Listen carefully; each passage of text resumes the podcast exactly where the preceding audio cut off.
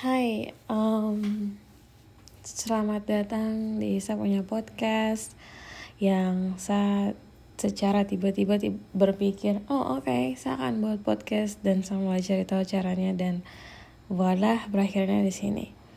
Terima kasih teman-teman sudah mendengar um, seperti yang teman-teman dengar sekarang tidak ada persiapan jadi tidak ada intro dan lain-lain dan semua spontan bahkan skrip pun tidak ada Well, karena ini masih yang pertama, jadi saya pikir lebih baik spontan saja, um, karena kita mau kenalan.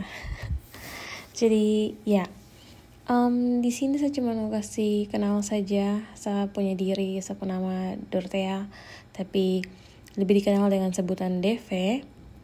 Dan saya berencana untuk buat podcast ini supaya saya bisa cerita karena saya orangnya suka cerita sekali apa pun yang ada di dalam saya kepala. Yang ingin saya sampaikan yang ingin saya ceritakan saya ingin cerita. Jadi betul-betul akan seperti personal journal or personal blog. And feel free to ask uh, apa yang mau diceritakan. Maksudnya kalau kamu dengar sesuatu dari saya well kalau kamu mau Uh, tapi kalau tidak ada saran itu okay, saya akan gas dengan apa pun yang saya punya. And then ya, yeah, saya buat ini out of nowhere karena ingin buat. Jadi mungkin uh, please jangan berekspektasi lebih.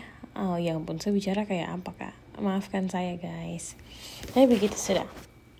Um, ya, yeah, ini semua akan sangat super random personal blogs jadi tidak akan ada satu tema spesifik atau tema khusus. Semua berdasarkan judulnya nanti akan seperti apa. I think that's all um, untuk podcast pertama ini.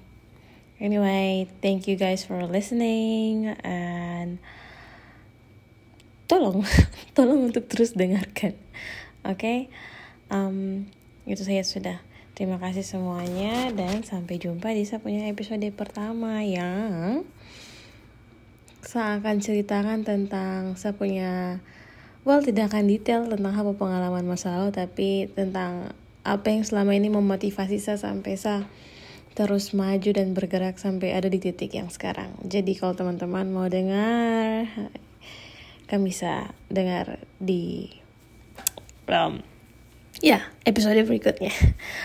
Sekali lagi, thank you guys and have a nice day di mana pun kamu berada. Itu sudah. Bye. Bapak berkati.